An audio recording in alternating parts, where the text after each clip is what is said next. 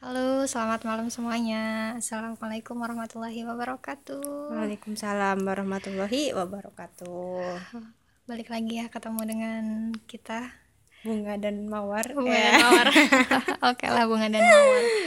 Oke, balik lagi dengan kita ada Kiki dan Anida menemani malam-malam kalian kalau dengerinnya malam-malam sih. Eh, atau menemani Kerja kalian kalau suka Betul. dengerin sambil kerja. atau menemani eh, goler-goler kalian. Apa goler apaan? Goler oh, rebahan. Iya, kaum rebahan kan lagi eh, banyak Lagi ya banyak sekarang ya. ya. sekarang. Mungkin kita juga kadang-kadang tersesat menjadi kaum itu. Baik. Gitu.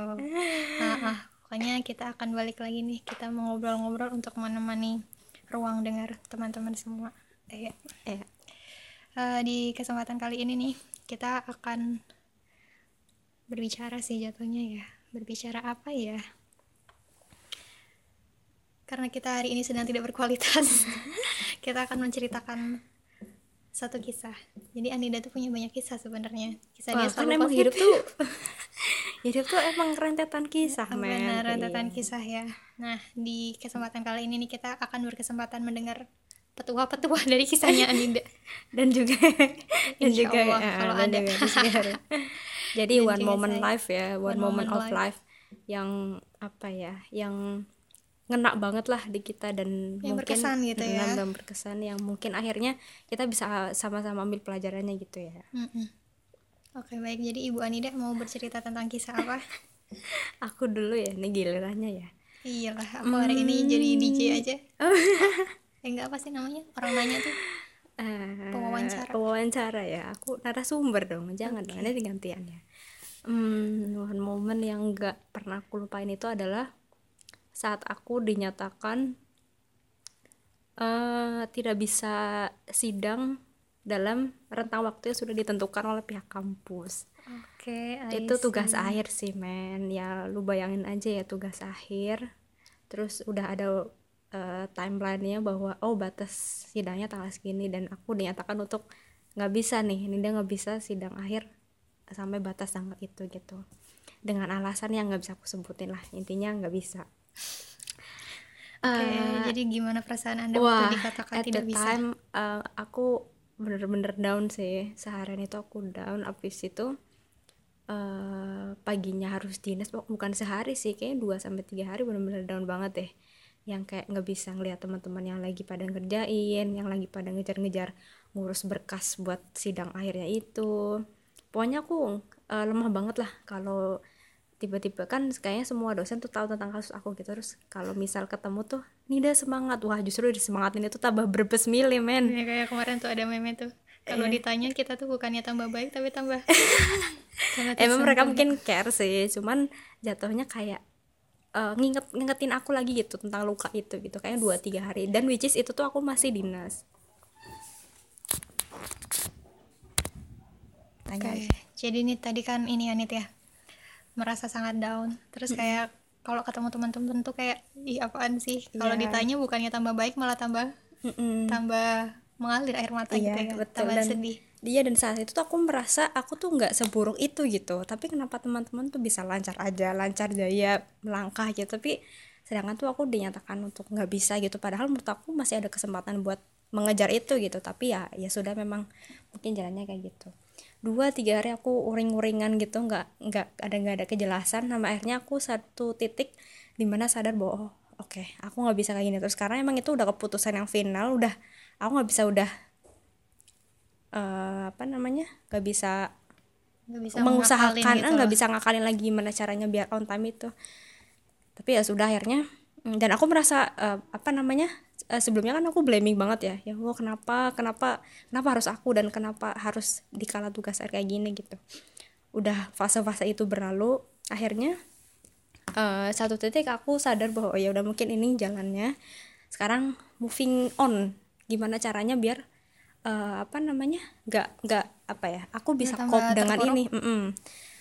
Eh, aku bisa eh, cope with this problem dan mencari solusinya yang tentunya ya udah akhirnya pas dua tiga hari itu aku ring-ringan kayak aku sadar bahwa oke oke aku harus melangkah maju eh, life must go on ya tetap harus berjalan akhirnya hari itu juga kayak dua habis dua tiga hari itu aku mulai cari-cari kerjaan men. Jadi itu belum lulus ya ceritanya. Aku mulai ya. mulai cari kerja. Karena aku mikir aku nggak akan secepat teman-teman iya ini ya, nggak akan bisa lu- mungkin nggak bisa kayak teman-teman yang habis lulus langsung bisa kerja gitu. Karena aku masih terhalang dengan eh, timeline yang timeline aku yang mundur ini gitu. Aku mulai cari-cari kerja bahkan sempat apply apply juga tanya-tanya teman-temanku yang HD HDR lagi. HRD. Di perusahaan-perusahaan gitu. Kira-kira gimana? Terus aku bener-bener awam banget men. Nggak pernah yang namanya apply nggak pernah bikin CV nggak pernah bikin summary profile. Ya seawam itu gitu. Akhirnya ya udah aku belajar gimana caranya bikin CV yang menarik lah. Ya alhamdulillah ada jalannya gitu. Nah, akhirnya aku ada nggak tahu kenapa tiba-tiba eh, ingat aja oh dulu pernah ada yang nawarin di kerja di A nih di tempat A. Aku coba tanya CP-nya lagi masih buka nggak? Karena itu bener-bener udah lama. dua minggu ah dua atau kayak hampir sebulanan deh Eh, aku dapat mm, aku dapat ya. mm, aku dapat eh, info itu gitu. Ya udah akhirnya aku coba tanya lagi ternyata oh masih open. Ya udah karena emang menurutku itu kerjaan yang bukan sekedar yang penting dapat kerja gitu. Maksudnya aku at least bisa belajar dari kerjaan itu gitu. Akhirnya aku coba apply di situ. Sebelumnya aku udah apply di tempat lain sih jadi itu men. Jadi front office ya ampun Oh, ya, muka gue kayak apa iya. FO di mana? Adalah perusahaan X. Gitu. kata si temen gue kan udah masuk juga tapi nggak di bagian itu. Gak apa-apa kok nggak butuh nggak butuh appearance yang gimana gimana. Tapi aku mikir itu hanya mitos sih. Itu mitos ya beneran deh. Tapi aku nekat banget aku apply aja karena kan katanya tapi FO itu bisa diakalin sih. Iya sih cuman kan ya gimana ya beb? Ya ya gitulah ya. Aku aku juga bukan blaming tapi aku merasa aku tidak proper untuk itu gitu. Tapi katanya emang selain FO itu juga dia ngurusin administratif. Terus aku mikir oh mungkin aku juga passion di sana gitu yang ngurus-ngurusin suka berkas ya gitu. eh aku hobi di sana ya udah aku apply aja. Terus akhirnya yang kedua ini aku apply di eh, tempat yang tadi yang sebelumnya aku udah eh, dapat infonya beberapa minggu ke belakang itu. Terus alhamdulillah yang dapat alhamdulillah lagi yang dapat interview itu yang kedua tadi yang satunya FO yang satunya eh, yang satunya FO itu. Nah kan alhamdulillah yang lebih aku suka itu kan. Terus ada interview itu juga aku noting tulus banget karena di antara pelamar pelamar lain tuh aku yang benar-benar newbie yang ya ampun nggak tahu wawancara kayak apa. bener-bener aku tuh cari di YouTube iya cara interview sama iya ya. first timer. Terus aku tanya temanku yang HRD lagi gimana sih kalau eh interview tuh apa poin apa yang dinilai gitu? Pokoknya aku aku eh, nothing tulus tapi aku juga berusaha gitu. Maksudnya at least Ada aku perform eh, eh, performnya baik kayak gitu. Aku tanya-tanya udah aku ya udah masuk aja.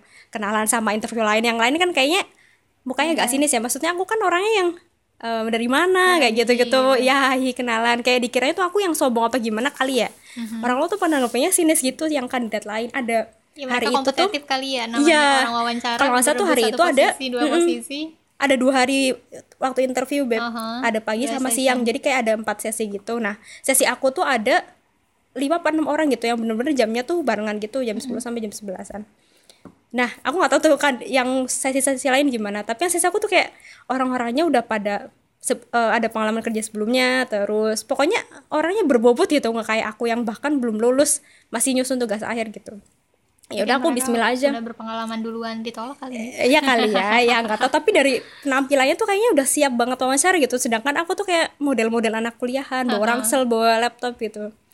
Terus ya udah aku masuk, ditanya gitu lah. Terus keluar, terus ya udah, ya udah bener-bener, ya udah kalau nggak dapet juga ya nggak apa-apa. Orang juga bener-bener first timer. Eh ternyata aku dapat kerjaan itu men dan eh dikala teman-teman yang lain itu mungkin sambil ngerjain tugas akhir itu eh, belum dapat kerjaan yang tetap gitu alhamdulillah aku sudah menghasilkan gitu dan itu bisa buat biaya wisuda aku. Sampai sekarang aku Di masih bertahan. Mm-mm. sampai sekarang aku masih bertahan di kerjaan itu karena eh apa ya ya ya gitu selain emang orientasinya secara finansial pengen mandiri juga gitu dari keluarga emang apa ya aku merasa belajar aja sih di sini karena masih berhubungan sama passion aku yang nulis lah atau suka administratif juga. Aku nggak bisa sebutin lah itu apa. Tapi intinya aku passion di situ. Gitu deh nah pas setelah itu aku baru sadar sih oh teman-teman eh, mungkin teman-teman galaunya itu pas udah lulus gitu. Lah belum dapat kerja. Sedangkan aku itu bahkan sebelum lulus aja tuh sebelum wisuda sebelum lulus sebelum aku eh, sebelum aku kelar ngurusin perberkasan itu alhamdulillah aku udah dapet kerjaan yang tetap. Dan alhamdulillah support banget dari pihak uh, kerjaan aku ini buat uh, ya udah nggak apa-apa kalau emang izin mau bimbingan atau kalau mau izin ngurusin berkas uh, mau izin wisuda mau izin pas orang tua ke sini jadi wisudanya cuma dua hari aku izinnya empat hari itu karena keluarga ke sini gitu. Alhamdulillah semuanya support gitu. Gitu sih itu itu uh, bener-bener kayak oh ini jalan Allah nih jalan Tuhan banget yang nunjukin aku bahwa ya udah sabar aja lo gitu pasti ada hikmahnya gitu. Mungkin kalau aku nggak dinyatakan extend aku mungkin akan leha-leha justru malahan nggak akan apa ya nggak akan selangkah lebih maju Daripada buat nyari kerjaan iya buat mikir nih lulus mau gimana? gitu. Bahkan aku kan mikirnya biar lu biar uh, mengisi waktu atau at least biar aku lulus tuh langsung dapat kerjaan gitu. Eh ini malahan alhamdulillah dikasihnya sebelum, Sebelum lulus malah iya dapet sebelum dapat ya. kerjaan alhamdulillah gitu. Jadi ya ya itu sih banyak banyakin aja. Em, maksudnya kita ta kita harus tahu sebatas mana kita harus berusaha dan sejauh ap, se, se da- di, di titik mana kita harus berhenti dan sadar bahwa oh ini ini mungkin jalannya dan coba nyari alternatif uh, solusi kayak gitu. Itu sih waktu itu sih aku waktu zaman zaman galau dua tiga hari itu aku bener-bener masih yang ngubungin dosennya. "Duh, bu bisa enggak? Mohon-mohon mohon ya. mohon ya ampun Dan merendahkan diri ternyata. sulit diketuk ya. Iya betul. Terus ya udah akhirnya karena jalan itu udah buntu coba ambil jalan ambil memutar. uh, uh, ambil alternatif lain alhamdulillah udah jalan. Gitu sih. Luar biasa ya kisah inspiratifnya Anida ya. Enggak sih itu uh, itu Pengalaman kayak sih. pengalaman ya pengalaman hidup. Yang mungkin bisa diambil hikmahnya dari teman-teman. Yang Nah. pengalaman itu patut diceritakan patut diingat dan patut Iya. diambil hikmahnya sih. Betul Eh, betul sekali. Nah sekarang giliran ibu Rizky Ari nih. Aduh saya kok kalau ngomong pengalaman saya jadi bingung pengalaman apa ya yang inspiratif ya? Satu mungkin mungkin nggak yang gimana gimana banget cuman akhirnya sadar bahwa oh ternyata ini positifnya di sini gitu. Kan kadang gitu kalau lagi masa tuh kayak ini benang kayaknya mengarahkan pada sesuatu ya? Oh enggak. Kan kita nggak pakai skrip nih hari ini. Iya, iya, jadi nggak tahu nih. saya kepada Iya. sesuatu yang seharusnya diceritakan ayo telas telas. Jelas jelas jelas ini udah 11 menit tapi eh 12 menit iya kan kemarin kita berapa? 17 17 menit. Eh maaf ya kayaknya aku kelamaan deh. Nggak apa-apa sih. Apa ya? Eh, adalah satu pengalaman sebenarnya. Apa itu? Saya kadang tuh ragu kalau mau cerita kalau benar-benar ini sih. Kalau benar-benar belum aku move away dengan full 100% gitu. Hmm, ini kayaknya kok 90% ada ya udah cerita aja ya. Baik apa itu ya mungkin mirip-mirip sama ceritanya Anida sih. Jadi kita throwback ke sekitar lima tahun yang lalu. Wah SMA dong? Iya SMA zaman-zaman mungkin lagi pada musim-musim juga nih teman-teman yang mungkin mendengarkan tapi ternyata masih SMA menuju lulus ngomong sekali nggak sih? Anda mau kuliah di mana? Aduh aduh aduh ya. Itu cita-cita pertanyaan kamu tuh kayak apa? Iya, kalau orang tuh nikah kapan nah? Kalau anak-anak kan SMA mau lulus tuh kuliah di mana gitu ya. ya mungkin posisinya. mungkin itulah galau-galaunya mereka beda. Dan bahkan satu kegalauan anak SD yang aku ketawain sampai sekarang tahu nggak apa? Apa tuh? aku tuh lagi galau nih memikirkan ya Allah aduh dompet udah mau habis gajian masih lama. Eh sebelah aku anak SD ya Allah aku galau. Kamu galau kenapa? Aku galau mau beli telur burung dua apa tiga ya Simple ya. sangat simpel loh galaunya anak SD jadi galau itu memang naik level mungkin setiap berkembangnya Nah, usia iya, ya Iya, iya, iya. nah jadi mungkin ada juga sih beberapa orang yang punya pengalaman serupa jadi lima tahun yang lalu itu waktu SBMPTN cita-cita saya itu adalah menjadi Pip. Trip ya nggak apa-apa sih disebut juga sih sebenarnya sih. Ini terbongkar identitas kuliah anda di mana dong? Enggak lah. terbongkar. Eh terima juga apa-apa. ya juga sih. Orang listenernya nol. Jadi lima tahun lalu kan aku ceritanya itu ngotot banget lah menjadi pengen banget lah jadi dokter ya. Oke. Dengan ya itu juga sebenarnya cita-cita agak telat sih. Kalau kalian emang pengen jadi dokter harusnya cita-citanya mulainya jangan kelas 12 dimulailah agak mundur sedikit lah Mundur Minimal banyak banget. juga nggak apa-apa ya. minimal banget ya kelas 10 lah udah Iya, ada iya, udah ada mencanangkan bayangan. harus harus masuk FK ya berarti harus usahanya dari situ udah pace-nya cepat nah aku cita-cita muncul di saat-saat terakhir sih kayaknya tapi memang ada satu momen di mana kita punya cita-cita yang kuat itu di situ kita paling deket sama Tuhan sih Nit.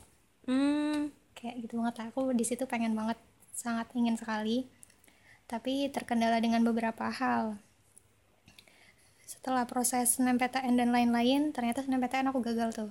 Nggak dapatkan belum rezekinya sih emang.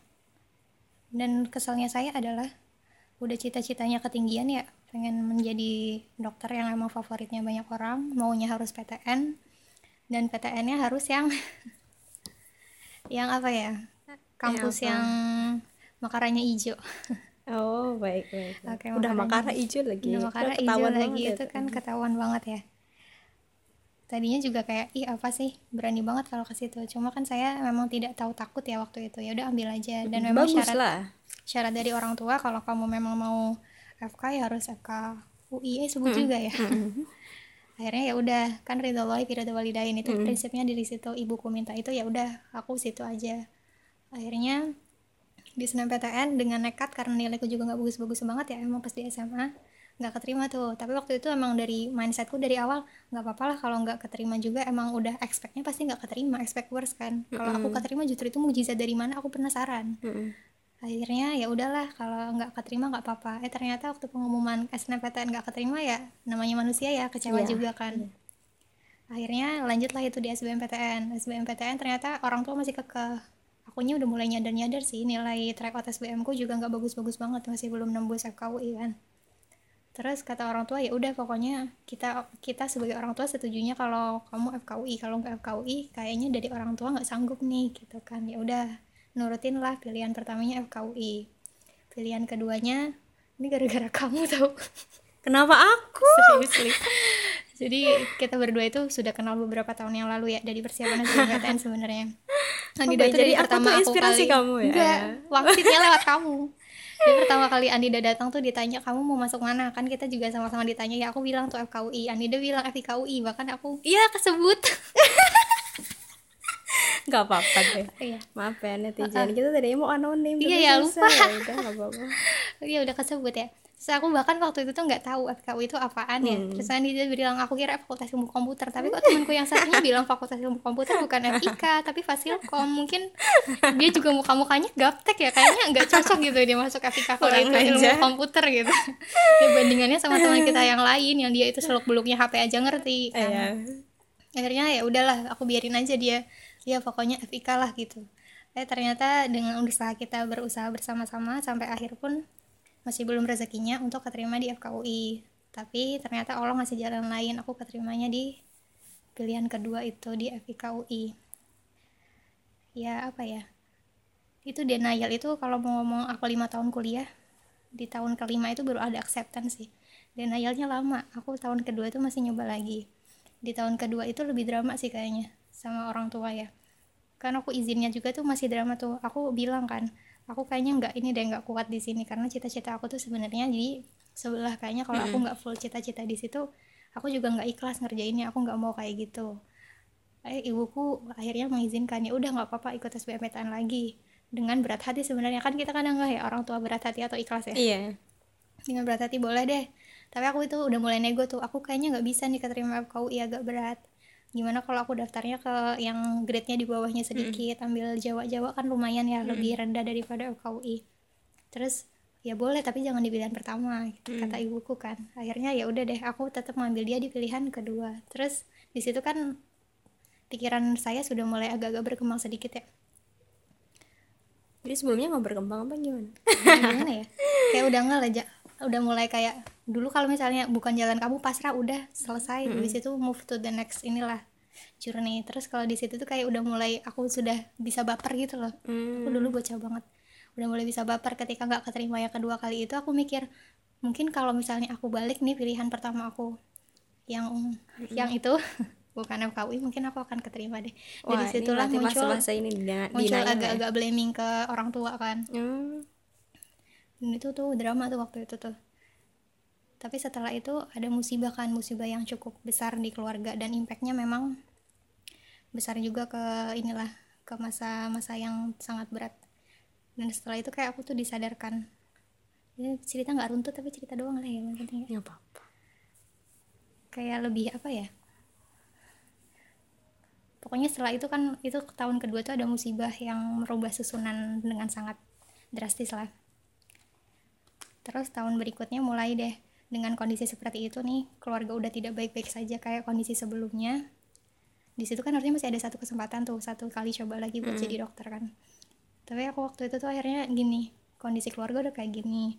Kayaknya kalau aku masih mengedepankan egoku untuk mengejar ini kok kayaknya aku egois banget. Sedangkan ada yang perlu di nomor satu kan ada yang didahulukan bukan diriku sendiri gitu masih ada ibuku dan bocah-bocah kecil yang hobi ngikut di belakang. Kan itu kayak oh iya aku nyadar akhirnya dari situ. Kayaknya aku dari awal egois deh sampai bikin bertengkar sampai bikin mungkin ibuku di situ juga tertekan gara-gara aku sedih. Mm-mm, kan orang iya. tua juga impactnya kena ya. Mungkin ayahku juga waktu itu sangat stres juga sampai akhirnya efeknya ke musibah yang lain itu kan. Akhirnya di situ mulailah menerima pelan secara pelan-pelan gitu. Nah setelah aku mulai menerima itu apa ya setelah menerima tuh kayak jalan-jalan yang lain tuh jadi kelihatan gitu nih. Misalnya kita jalan nih di lorong kan kan gelap ya lorong ya. Mm. tapi sebenarnya mungkin ada celah-celah ventilasi yang ada cahayanya. Nah tadinya itu nggak kelihatan tuh mulai jadi kelihatan. Yang pertama aku nyadar banget ternyata setelah aku masuk di FIKUI ini ya pergaulan aku mungkin lebih terjaga gitu. Mm.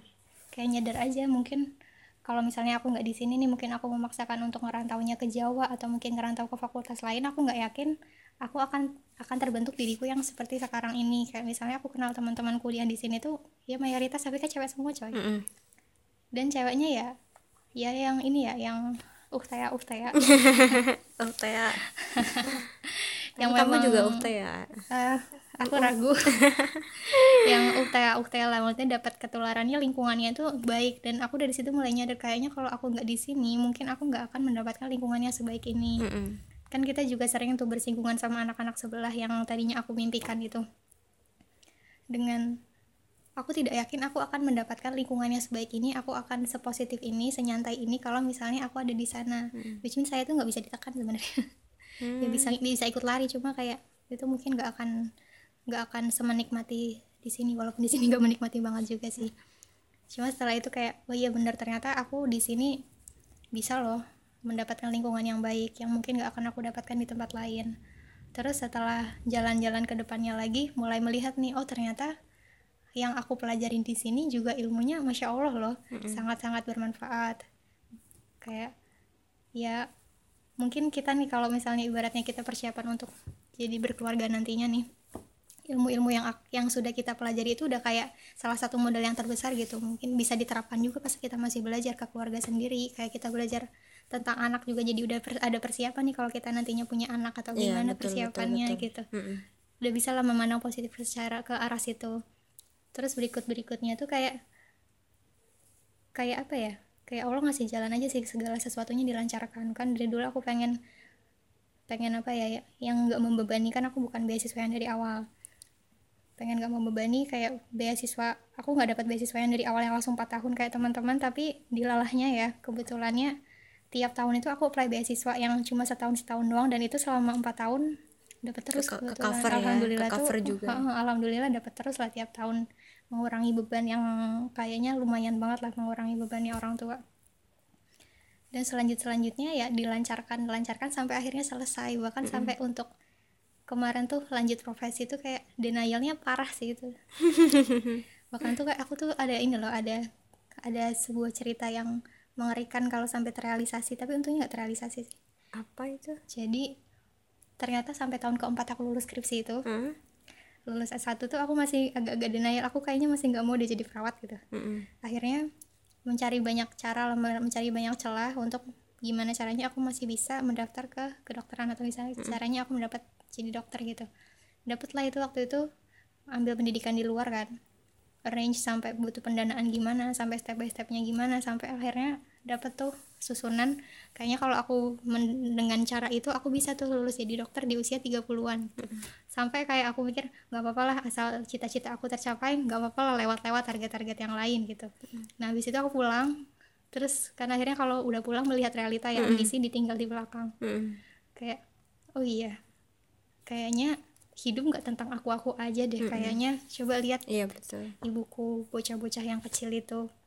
Kalau aku mengedepankan ego itu which means sebenarnya aku bilang ke ibuku aku ada rencana kayak gini nih.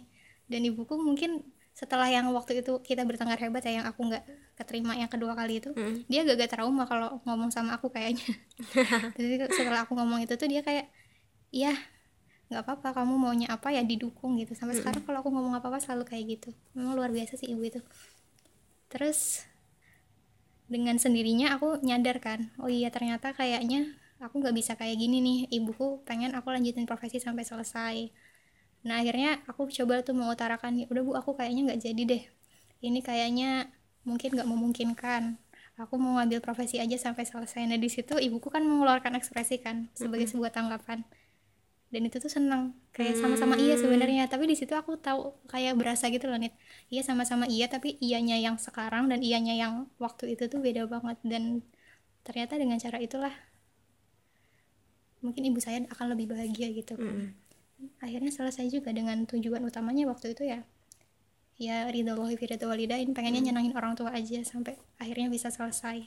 Ya walaupun sekarang masih gini-gini aja tapi ya ya at least menyelesaikan apa yang sudah menyelesaikan dimulai apa yang sudah dimulai gitu ya seperti itulah jadi sebenarnya hikmahnya adalah walaupun walaupun yang mungkin jalan yang aku saat ini tempuh itu sebenarnya nggak ada bayangan sama sekali di awal Hmm. tapi step by step itu adalah jalan yang memang ditunjukkan sama Allah gitu loh Hmm. mungkin di awal kita mintanya ini ngotot mintanya ini terus Iya. ini terus ini terus tapi ya kita ngotot Allah yang bikin skenario lebih cakep dong. Kamu harusnya jalan ini jalan ini jalan ini. Tinggal kita gimana sih? Mau ini loh mau menerima kali ya jatuhnya ya. Mau menerima jalan yang Allah kasih. Karena sebenarnya petunjuk tuh banyak. Asal kita tuh mau nerima sebenarnya. Iya, betul. kadang Kayak sinyal-sinyal tuh sinyal eh, tuh ada tuh. Kayak sinyal-sinyal tuh pasti ada. Entah itu dari orang terdekat entah itu dari fenomena alam. Mestakung lah. Mm-mm, mustahil, betul. Nah, inspiratif sekali ya. Nggak Jadi sebenarnya empat lima tahun ini tuh bekerja eh bukan bekerja apa ya menjalani sebenarnya apa yang bukan sepenuhnya di di apa ya Inginkan di diekspektasikan ah, di awal ya. Tapi ya let it flow let it go. Let it flow let it go. Kok ridho Allah rifi ridho walidain ya. Jadi ya ya sudah selesai ya juga. menempuh. Iya sih selesai juga. Itu berat banget sih setahun tuh kayak berat banget tapi jadi pas selesai tuh kayak eh, itu pencapaian hidup yang luar biasa dong berarti dong. Sampai Iya. selesai benar-benar selesai profesi selesai. Ya yang penting selesai lah ya. Mm-mm. selesai dan diambil manfaatnya selesai itu penting sebaik-baiknya. Mm-mm. wah Luar itulah biasa. cerita Rizky Ari. Di balik ketegarannya ternyata.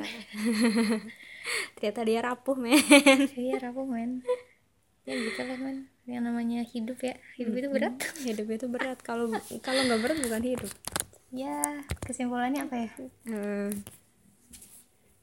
Ya, kesimpulannya, Kesimpulannya sih- setiap kejadian itu pasti ada rencana yang baik di baliknya sih. Mm-mm. dan kita tuh nggak perlu yang sok tahu ya. Maksudnya Iya. ada Allah yang lebih tahu gitu. Kayak kita tuh nggak perlu ngejudge oh gue buruk banget. Misal kita lagi down banget ya. Ya eh, eh, gue ngomong doang sih. Maksudnya eh, emang di fase itu kita down gitu. Tapi percayalah bahwa ya udah akan ada solusinya gitu akan ada jalan keluarnya gitu. Karena ya gitu sudah ada rancangan yang begitu indahnya yang akhirnya justru yang posisi down itu adalah bikin kita semakin meningkat kayak gitu. Baik itu mungkin imannya amin ya. atau, Ah, ah. mungkin atau mungkin skill kita eh, ji- apa ya skill bukan iya pendewasaan juga ya. Pendewasaan Mm, pendewasaan juga gitu. Ya, ngomong pendewasaan tuh aku bahkan kadang memandang diriku yang kemarin tuh nggak dewasa gitu. Sekarang? Ya mungkin besok aku akan menganggap diriku yang sekarang juga tidak dewasa Nah, gitu iya, karena iya, memang itu berproses dan iya tiap, betul tiap betul. ini sih. Itu aku kalau memandang kejadian beberapa tahun yang lalu tuh ya Allah aku kayak bocah banget ya. Kayak emang gitu deh kayak eh, seiring berjalannya usia dan seiring dengan apa ya cobaan-cobaan yang mungkin datang bertubi-tubi benar. gitu. Nah itu secara nggak langsung tuh kayak bikin kita tuh eh, problem solvingnya jadi makin bagus emotional controlnya juga Makin bagus. betul sih. Hubungan sosialnya juga bagus ya meskipun sama keluarga gitu sama ayah ibu juga jadi makin bagus. Betul sekali. Okay I think that's all from us thank you for listening. Eh 30 menit dong. Nggak apa-apa. Ya apa-apa. sudah kita kemarin tutup aku ya. ada yang sejam sih. Kita tutup ngobrol-ngobrol kita hari ini ya. Hmm, semoga bisa diambil hikmahnya. Dan see you on the next not video tapi audio. On the next eh, audio. Nggak tahu kapan lah ya. Insya Allah oke bye bye assalamualaikum warahmatullahi wabarakatuh. Waalaikumsalam warahmatullahi wabarakatuh